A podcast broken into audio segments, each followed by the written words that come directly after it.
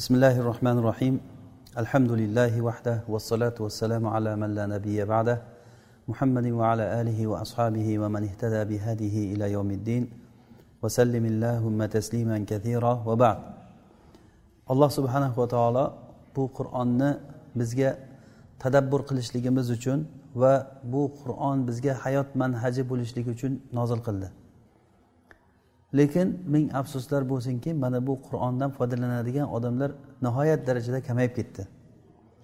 Hasanul basriy rahimaulloh aytganlari kabi qur'on o'qiydigan odamlar uch sinf bo'ladi deganlar. Qur'on o'qimaydigan toifa emas o'qiydigan toifalar uch xil bo'ladi deganlar. Bir toifa bor qur'onni o'zlariga tirikchilik manbasi qilib oldi. Ya'ni mana shu bilan qur'on bilan tirikchilik qiladi. Uni borib turib bir izdihom joylarda o'qiydi valimalarda o'qiydi boshqa joylarda o'qiydida pul oladi. Bu qavm o'zi bilan o'zi endi. Ikkinchi bir turi bo'ldiki ular qur'onni huruflarini joyiga qo'ydi lekin hududlarini zoyi qildi degan. Qur'onni harflarini juda joyiga qo'ydi. Ular mehroblarda bu qur'onni o'qidilar. Joylarda qur'onni juda keltirib o'qidilar tajvidlar bilan o'qidi lekin hududlariga kelgan paytda amal qilmadi. Alloh taolo ularni sonini ko'paytirmasin lekin bizni bu zamonamizda juda ko'payib ketdi deganlar. Buni hasan al basriy aytyaptilar. Hasan al basriyni davrlarida shunchalik mana shu toifa odamlar ko'paygan bo'lgan. Ya'ni qur'onni juda yam yaxshi o'qiydi lekin uni hududlarini qur'onga amal qilmaydi degan. Va uchinchi bir toifa borki ular qur'onni davosini qalblarini kasalligiga shunday qo'ygan odamlar degan. Ana ular qur'ondan nima maqsad ekanligini tushungan odamlar. O'shalar haqiqatdan o'sha qur'ondan maqsad nima ekanligini tushungan odamlar shular degan. Demak biz uchun juda muhim narsa qur'ondan maqsad nima ekanligini tushunishligimiz va uni tadabbur qilishligimiz. Tadabbur ma'nosini haqida kecha biz gapirgan edik. Tadabbur degani o'zi arab tilida dubrun kalimasi bir narsani orqa tarafi degan ma'noni bildiradi. Tadabbur degani demak bir narsani bir ma'noni tushungandan keyin uni orqasidagi ma'noni anglab yetishlik undan maqsad nima ekanligini bilib yetishlik bu tadabbur bo'ladi. Bunda olloh subhanahu va taolo kishiga qanchalik darajada fahm bergan bo'lsa xuddi ali roziyallohu anhu aytganlari kabi ali roziyallohu anhudan so'ralinganda sizga rasululloh sollallohu alayhi vasallam bizga aytmagan bir ilmni o'rgatganmi? Deganda aytdilarki yo'q sizlarga aytgan narsani bizga ham aytgan o'sha o'sha. Illo bitta narsa borki ollohni kitobidagi fahm degan. Xuddiki masruq aytgani kabiki biz sahobalardan ko'pidan ilm so'radik ilm so'radik. Oxiri bir xulosaga keldikki ularni ilmi qur'onda ekan degan. Mana shu qur'on o'sha boshidan oxirigacha bizni qo'limizda turibdi. Hozirgi kunda bu qur'onchalik ko'p kitob yo'q. Bu qur'onchalik to'g'ri kitob yo'q. Hech joyi birorta harfi ham o'zgarmagan qanday nozil qilgan bo'lsa alloh subhanahu va taolo jibrilga jibril alayhissalomga qanday aytib bergan bo'lsa xuddi shunday bizga yetib keldi qur'on. Lekin uni tadabbur qilib qanday qilib turib biz o'zimiz mana shu qur'ondan foydalana olamiz? Mana shu narsa biz uchun juda muhim narsa bu. Tadabbur ma'nosini haqida gapirgan edik kecha. Ya'ni bir narsada maqsad uni ortidagi bir ma'nolarni bilishlik. Bunga ba'zi bir misollar keltirgan edik. Masalan muso alayhissalom o'zlarini g'ulomi bilan birga ya'ni yusha ibn nun deyiladi. G'ulomi bilan birga safar qilib chiqdilar ilm o'rganishlik uchun. Muso alayhissalomdan asli o'zi bir kishi kelib so'radiki ey nabiyulloh sizdan ko'ra olimroq kishi bormi bu dunyoda? deganda yo'q deganlar. Ollohu alam demaganlar. Shunda alloh taolo u kishiga aytdiki sendan ko'ra ilmliroq bizni bir bandamiz bor. deganda ey robbim unga qanday yetib boraman? Menga o'shani yo'lini ko'rsatgin dedilar. qarang payg'ambar kishi bo'lib turib sendan ilmliroq kishi bor degan paytda o'shani oldiga borishlikka harakat qilgan. Keyin alloh taolo uni borishlik yo'lini ko'rsatdi. Dengiz sohili bo'ylab ketasan bir nimada savatda baliq olgin shu baliqni yo'qotgan joyda shuni topasan degan. Bu kishi ketganlar ketganlar bir joyga borib dam olgan joylarida o'sha baliq o'sha yerda esdan chiqib qolib ketgan. Keyin ketdilar. Ya'ni hozir aytmoqchi bo'lgan joyimiz shuki qur'onda xuddi shu qissani aytib berib turib falamma javaza قال قال لفتاه آتنا غداءنا لقد لقينا من سفرنا هذا نصبا ular o'sha belgilangan joydan o'tib ketgandan keyin o'zi hazir alayhissalomni hazir alayhissalomga yo'liqishlik kerak bo'lgan joydan o'tib ketgandan keyin muso alayhissalom charchadilar aytdilarki bizni ovqatimizni olib kelgin bir tamaddi qilib olaylik juda qiynalib ketdik safarda charchadik dedilar keyin haligi g'uloma aytdiki haligi dam olgan joyimizda men esimdan chiqib baliq o'sha yerda qolib ketgan ekan. Keyin qaytdilar ular asarlariga. Shunda ulamolar aytishadiki muso alayhissalom bilan g'ulomi ikkalasi belgilangan chegaradan o'tuvdi charchadi degan. Ya'ni biz charchadik dedilarku muso alayhissalom. O'sha joygacha charchamay borgan. Shundan ma'lum bo'ladiki kim chegaradan oshsa charchaydi degan. Kim chegaradan o'tib ketsa bu odamga charchoq keladi degan fikrda aytishgan. Mana bu tadabburdan keyin kelib chiqyapti. Masalan yusuf alayhissalomni surasida ham keladi. Yusuf alayhissalom voqeasida u kishi akalari o'ldiramiz deb turib keyin quduqqa tashlab u kishi qamalib qamoqdan chiqib podshohga vazir bo'ladi. Ya'ni podshohni o'rnida podshohni ishini bajarayotgan odamga aylanadi. Keyin vaqti nimasi bilan ocharchilik bo'lib ketib shom diyoridan u kishini akalari ovqat so'rab keladi misrga. Misrda butun hammaga bug'doy tarqatadi bular. Keyin keladi o'shanda yusuf alayhissalomni ukalari binyomin o'zi o'zini oldida olib qolmoqchi bo'ladi olib qolmoqchi bo'ladi yusuf alayhissalom. Haligi podshohni o'lchaydigan nimasini idishini u kishini nimasiga tiqib qo'yadi? Rohliga ya'ni olib ketadigan narsalarni ichiga tiqib qo'yadi ukasinikiga. Keyin endi qaytamiz deb turgan paytda bir nido qiluvchi aytadiki ey jamoa sizlar o'g'ri ekansizlar. Ular aytadiki biz hech narsa o'g'irlagani kelganimiz yo'q o'g'irlaganimiz yo'q biz o'g'ri ham emasmiz. Shunda agar o'g'ri chiqsa ichlaringdan nima jazo beramiz? Deganda ular aytishganki o'g'rini jazosi shu tayin hamma bilgan jazo. U paytlarda o'g'rini jazosi o'g'ri o'sha o'g'irlangan odamga qul qilib berilgan. O'g'ri o'g'irlangan odamga qul qilib topshirilgan xohlaganingni qil degan. Shu jazosi biz rozimiz bunga degan. Keyin ular izlashda haligi narsani izlashda akalarini idishlaridan joylaridan izlashadida oxiri nima ukasini nimasidan chiqaradi mana shu joyi bizga kerak joy hozir. Istaxrojaha degani shundan chiqarib oldi deyapti. Istaxroja kalimasi arab tilida chiqarib olish degani. Mana arab tili o'qigan kishilar ko'p buni tushunadi. Keyin o'zini akasini o'sha binyominni nimasidan narsalarni ichidan uni topib chiqdi degan. Istahroja kalimasi nima uchun shu yerda axrojaha demasdan istahroja deyapti. Istahroja kalimasi arab tilidan ma'lumki bir narsani olish paytida joyini bilgan narsani olishlik istixroj deyiladi degan. Xuddiki masalan cho'ntagingizda pul bor. Bilasiz qayerda turgan qaysi cho'ntakda shunday qo'lingizni tiqib turib olib chiqasiz buni otini istixroj deyiladi. Masalan bir narsani bir kitoblarni orasiga bir narsani bir bekitib qo'ygan bo'lsangiz kitoblarni orqasida turgan bo'lsa qo'lingizni tiqib turib o'sha joydan shu kerakli narsani shunday topib chiqishligingiz istixroja deyiladi. Shunday haligi narsani bunday izlab ham o'tirib summa istahrojaha degani aynan o'sha qo'ygan joydan bilgan joydan oldi degani va o'sha o'sha narsada ham ular aytmaganki qolu fama jazauhu in kuntum sariqin? Agar sizlar o'g'ri bo'lsanglar yoki yolg'onchi bo'lsanglar bu jazosi nima? Deganda jazosini o'zlaring bilasizlar. Keyin uni ya'ni haligisi ukasini nimasidan topib olganda o'shani qur'onda o'g'ri deb aytmagan. Ukasini joyidan chiqarib oldi uni degan. Chunki o'g'ri emas edi u ukasi. Mana shunga o'xshagan bir misollar qur'onda agar tadabbur qilsak nihoyatda ko'p bu. Biz mana shu tadabbur bilan qur'onni ma'nosiga yetib boramiz. Ana o'shanda keyin qur'ondan rohatlanamiz o'shanda ta'sirlanamiz o'shanda qur'on bizga nur bo'ladi. Lekin alloh subhanahu va taoloni qadari bilan biz boshqa bir millat odamlari bo'ldik. Arab bo'lmadik ya'ni qur'onni tushunmaymiz tilimiz boshqa boshqa tilda gapiramiz. O'shaning uchun bizga juda ham mas'uliyat katta bo'ladi.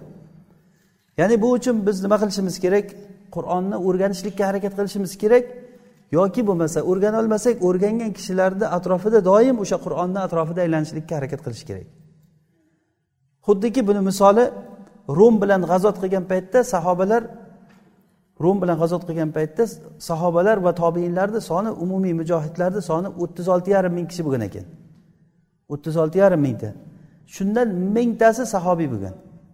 Mingtasi sahobiy bo'lgan yuztasi badriy bo'lgan ekan. Mana shu sahobiylar va badriylar xuddiki jasaddagi suyakday bo'lgan mujohidlar ichida.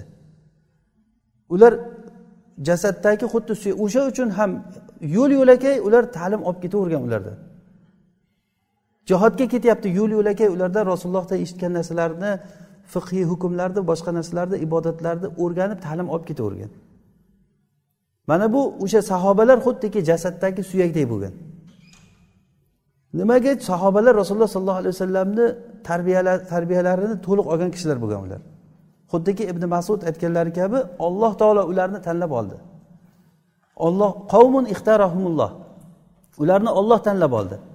Ularda bir takalluf yo'q bo'lgan odamlar. Qalblari musaffo bo'lgan odamlar edi. Xuddiki hayotda tirik yurgan qur'onga o'xshar edi ular. Mana shunday odamlarni atrofida ular yig'ildilar va shu bilan to'g'ri ummat bo'ldilar. Olloh subhanava taolo xuddi mana shu ummatni maqtadi. Kuntum xoyra ummatin uxrijat linnas. Sizlar odamlar uchun chiqarilgan yaxshi ummat bo'ldinglar deb.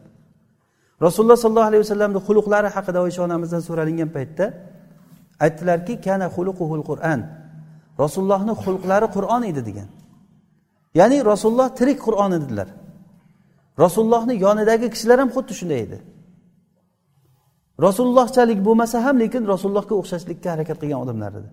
Abu bakr umar usmon ali rasulullohga eng yaqin odamlar eng o'xshovchiroq odamlar bo'lgan. Rasulullohga o'xshovchiroq bo'lgan. Dunyoni tark qilishliklarida shijoatlarida ilmda hamma tomonda. Rasulullohga o'xshash hattoki ba'zi joylarda rasululloh aytgan gapni aytgan eshitmasdan turib ham mana abu bakr roziyallohu anhuni misolini aytamiz. Hudaybiya sulhida mushriklar bilan sulh tuzib turib musulmonlar umra qilmasdan qaytib ketishlikka rasululloh kelishib ular bilan va'dalashgandan keyin bu musulmonlarga juda og'ir botdi. Hatto umar ibn hattob bu narsani ko'tarolmadi. Ehrom o'rab kelib turib hudaybiyadan shunday haramga yigirma kilometr qolgan joydan o'sha joydan qaytib ketishlik juda og'ir bo'lgan. Borib abu bakr roziyallohu anhuni oldiga borib rasulullohni oldilariga borgan ey rasululloh siz tushimda ko'rdim degan edingiz biz kabani tavof qilishligimizni ho'p tushimda ko'rganman. Tavof qilmay qaytyapmizku deganda men shu yil qilamiz deganim yo'qku senga degan. Albatta tavof qilamiz inshaalloh degan. Men ollohni rasuliman dedilar rasululloh. Ollohga qasamki men ollohni rasuliman. Alloh taolo o'zini va'dasidan hech qachon yolg'onga chiqarmaydi. Alloh taolo menga va'da qilgan narsani bajarib beradi va men ollohga osiy bo'lmayman deganlar. Keyin rasulullohni oldilaridan ketib abu bakr roziyallohu anhuni oldiga borgan. To'g'ri umar roziyallohu anhu borib ya abu bakr rasululloh tushimda ko'rdim degandilar. Mana umra qilmasdan qaytib ketyapmiz deganda abu bakr rasulullohni so'zlarini so'zma so'z aytib bergan. Vallohi u kishi ollohni rasuli u kishi ollohga osiy bo'lmaydilar. Alloh taolo u kishiga va'dasini bajarib beradi deb turib o'sha so'zma so'z aytib bergan. Rasululloh nima degan bo'lsalar abu bakr roziyallohu anhu xuddi shu gapni aytib bergan. Nima uchun bunchalik bo'ldi? Tashabahat qulubuhum. Qalblar o'xshovchi bo'lib qolgan. Rasulullohni yonida yuravergandan keyin rasulullohni fikrlari rasululloh sollallohu alayhi vasallamni dunyoqarashlari mana shu iymon e'tiqod sahobalarga o'tgan. Mana bu shu solih kishilarni atrofida yig'ilishlik bilan bo'ladi. Bizga hozir juda ham katta zarur bo'lgan narsa qur'onga qaytishligimiz kerak. Qur'on xuddiki inson jasadida suyak qanday o'rinda bo'lsa dinda qur'on xuddi mana shunday o'rinda yoki bundan ham bir boshqacharoq o'xshatish qilsak bo'ladi. Agarda badanda suyak bo'lmasa u badan hech nima bo'lmaydi. Qur'on ham xuddi shunday. Sunnat uni ustiga qoplangan go'sht desak bo'ladi. Agarda badanda suyagi bo'lmasa u go'sht hech narsa qilolmaydi. Shu bilan mahkam bo'ladi. Qanchalik suyagi baquvvat bo'lsa shunchalik u jasad baquvvat bo'ladi. Suyak jasadni ushlab turgani kabi qur'on ham xuddi shunday narsa. Lekin buni biz tadabbur qilib turib o'rganib undan foydalana olishligimiz kerak. Qur'ondan maqsad faqat uni yodlab olishlik va uni tilovat qilib yurishlik emas bu. To'g'ri yodlash tilovat qilishlik bu ajr savob lekin maqsad u emas. Sahobalarni aksarlari qur'on yodlamagan hofiz bo'lishmagan lekin hammalari qur'on ma'nosini tushungan. Qur'onga amal qilgan ular. Mana shu uchun ham ular butun yer kurrasini tiz cho'ktirdi ular. Mana shu qur'on bilan. Bu qur'onda avvalgilarni va keyingilarni ilmi bor bunda. Kim agar shu bilan gapirsa eng to'g'ri gapni gapirgan bo'ladi. Kim agar mana shu bilan hukm qilsa eng to'g'ri hukmni qilgan bo'ladi. Biz qachonki mana shu qur'ondan uzoqlashdik bu qur'on bizdan chiqqan paytda o'zimizni yo'limizni yo'qotdik. Mana shu narsaga hozir biz qaytishligimiz kerak bo'ladi. Bu uchun qur'onga olib borayotgan darsliklarni o'rganishlik bizga vojib bo'ladi. Va agar o'zimiz o'rganolmasak o'shani biladi deb o'ylagan odamlarimizdan so'rash kerak doim mana shu qur'onga bog'lanish kerak. Tarjimalarni o'qish kerak uni. Qur'onni tafsirlarini o'qishligimiz kerak. Ulamolar qanday qur'on bo'yicha qanday ya'ni yo'l tutganlar. Mana shu bu masalada eng men foydali deb o'ylagan narsa ibn qayim rahimaullohni qur'on bo'yichagi fikrlarini ko'p o'qish kerak tolib ilmlar. Mana bu narsa nihoyat darajada qur'onni shunaqa davosini qalblardagi kasallikka qo'yib qo'ygan u kishi. Agarchi u kishi tafsir kitoblarini yozmagan bo'lsalar ham lekin qur'ondagi har bitta masalaga tegishli oyatlarni shunday joy joyiga keltirgan. Masalan rizo haqida yoki g'azab haqida sabr haqida nima haqida gapirsalar shu sabrga tegishli hamma oyatlarni keltirib turib undan maqsad nima ekanligini qur'on bilan tushuntirib qo'yganlar. Ya'ni alloh subhanava taolo u kishini qalbini bir nurlantirgan odam bo'lgan. Kitoblarini o'qisak juda ham katta bir manfaatli ana shu kitoblarni tarjima qilinganlari bo'lsa yoki shu kitoblardan tarjima qilgan kishilardan foydalanib qur'on ma'nosiga tushunishlikka biz harakat qilishligimiz kerak. Keyin yana bitta nuqta shuki qur'onni tarjimasini o'qiymiz biz lekin tarjimasi u qur'on bo'lmaydi. Tarjimasi qur'on bo'lmaydi. Bizga tushunishlikka yordam beradi u. chunki bir lug'atni ikkinchi lug'atga tarjima qilgan paytda aynan o'sha ma'noni ifoda qildi deyishlik juda qiyin narsa. Imom shotibiy rahimaulloh o'zlarini maqosid kitoblarida maqosid kitoblarida shu qur'ondan maqsad haqida gapirgan paytlarida lug'atlar haqida ham gapirib aytganlar. Lug'atlar agarda bitta bitta kalima olib qaransa bir biridan farq qilmaydi. Masalan bir varaq varaqni olayotgan bo'lsak o'zbek tilida nima deyiladi buni? Rus tilida nima deyiladi ingliz tilida nima deyiladi har bitta masalan xitoy tilida nima deyiladi har bitta lug'atni o'ziga yarasha bir bunga bir lug'ati bor. O'sha lug'ati shu ma'noni ifoda qiladi. Bunda lug'atdan lug'at farq qilmaydi. Bu yerda farq qilayotgan joyi shuki kalimalarni bitta bitta bir biriga jamlab turib bir so'z yasagan paytda ana unda bu yasalgan narsani boshqa lug'atga tarjima qilib bo'lmaydi. To'g'ri unda maqsad qilingan maqsadni aytishlik mumkin. Lekin u yerda yo'l yo'lakay chiqayotgan katta bir ma'nolar bor. Yo'l yo'lakay chiqayotgan hozirgi masalan yusuf alayhissalom surasidan deganda nega istahroja kalimasini aytdi? Ya'ni istihroja kalimasi arab tilida nimaga dalolat qiladi? Buni o'zbekchada ta'bir qilib bo'lmaydi buni. Yoki boshqa bir lug'atda uni ta'bir qilib bo'lmaydi buni. O'sha uchun ham qur'onni o'zini ma'nosini biz o'qib o'rganishligimiz kerak.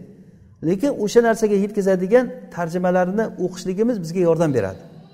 Hozir alhamdulillah ancha muyassar bo'ldi bu narsa. Tarjimalar chiqdi. Eng qisqa qisqa suralarni tarjimalaridan o'qib biz nimani o'qiyapmiz? O'shani tushunib aytayotgan narsalarimizni tushunib o'qib o'rganib harakat qilsak inshaalloh mana shu yo'lga tushsak agar bu yo'lni oxiri ilmni oxiri bo'lmaydi o'zi. Lekin muhim ollohni kitobini men o'qiyman shuni tushunaman va hayotimga tadbiq qilaman degan niyatda yo'lga tushilinsa muhim yo'lga tushishlik yo'lni oxiriga yetib borishlik emas.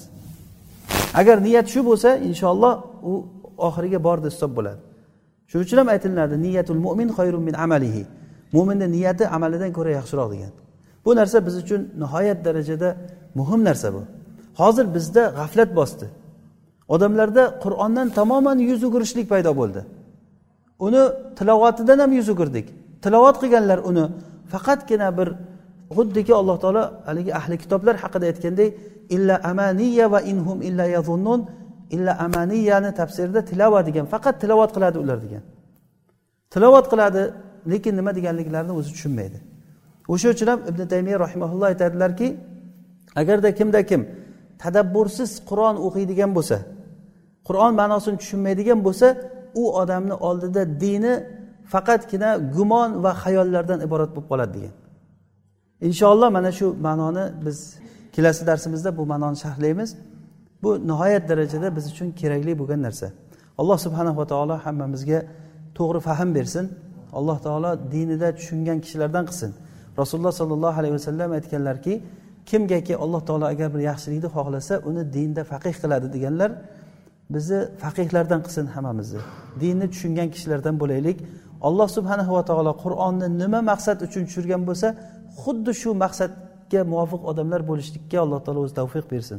Subhanakallohumma bihamdik. Nashhadu an la ilaha illa ant. Nastag'firuka va natubu ilayk.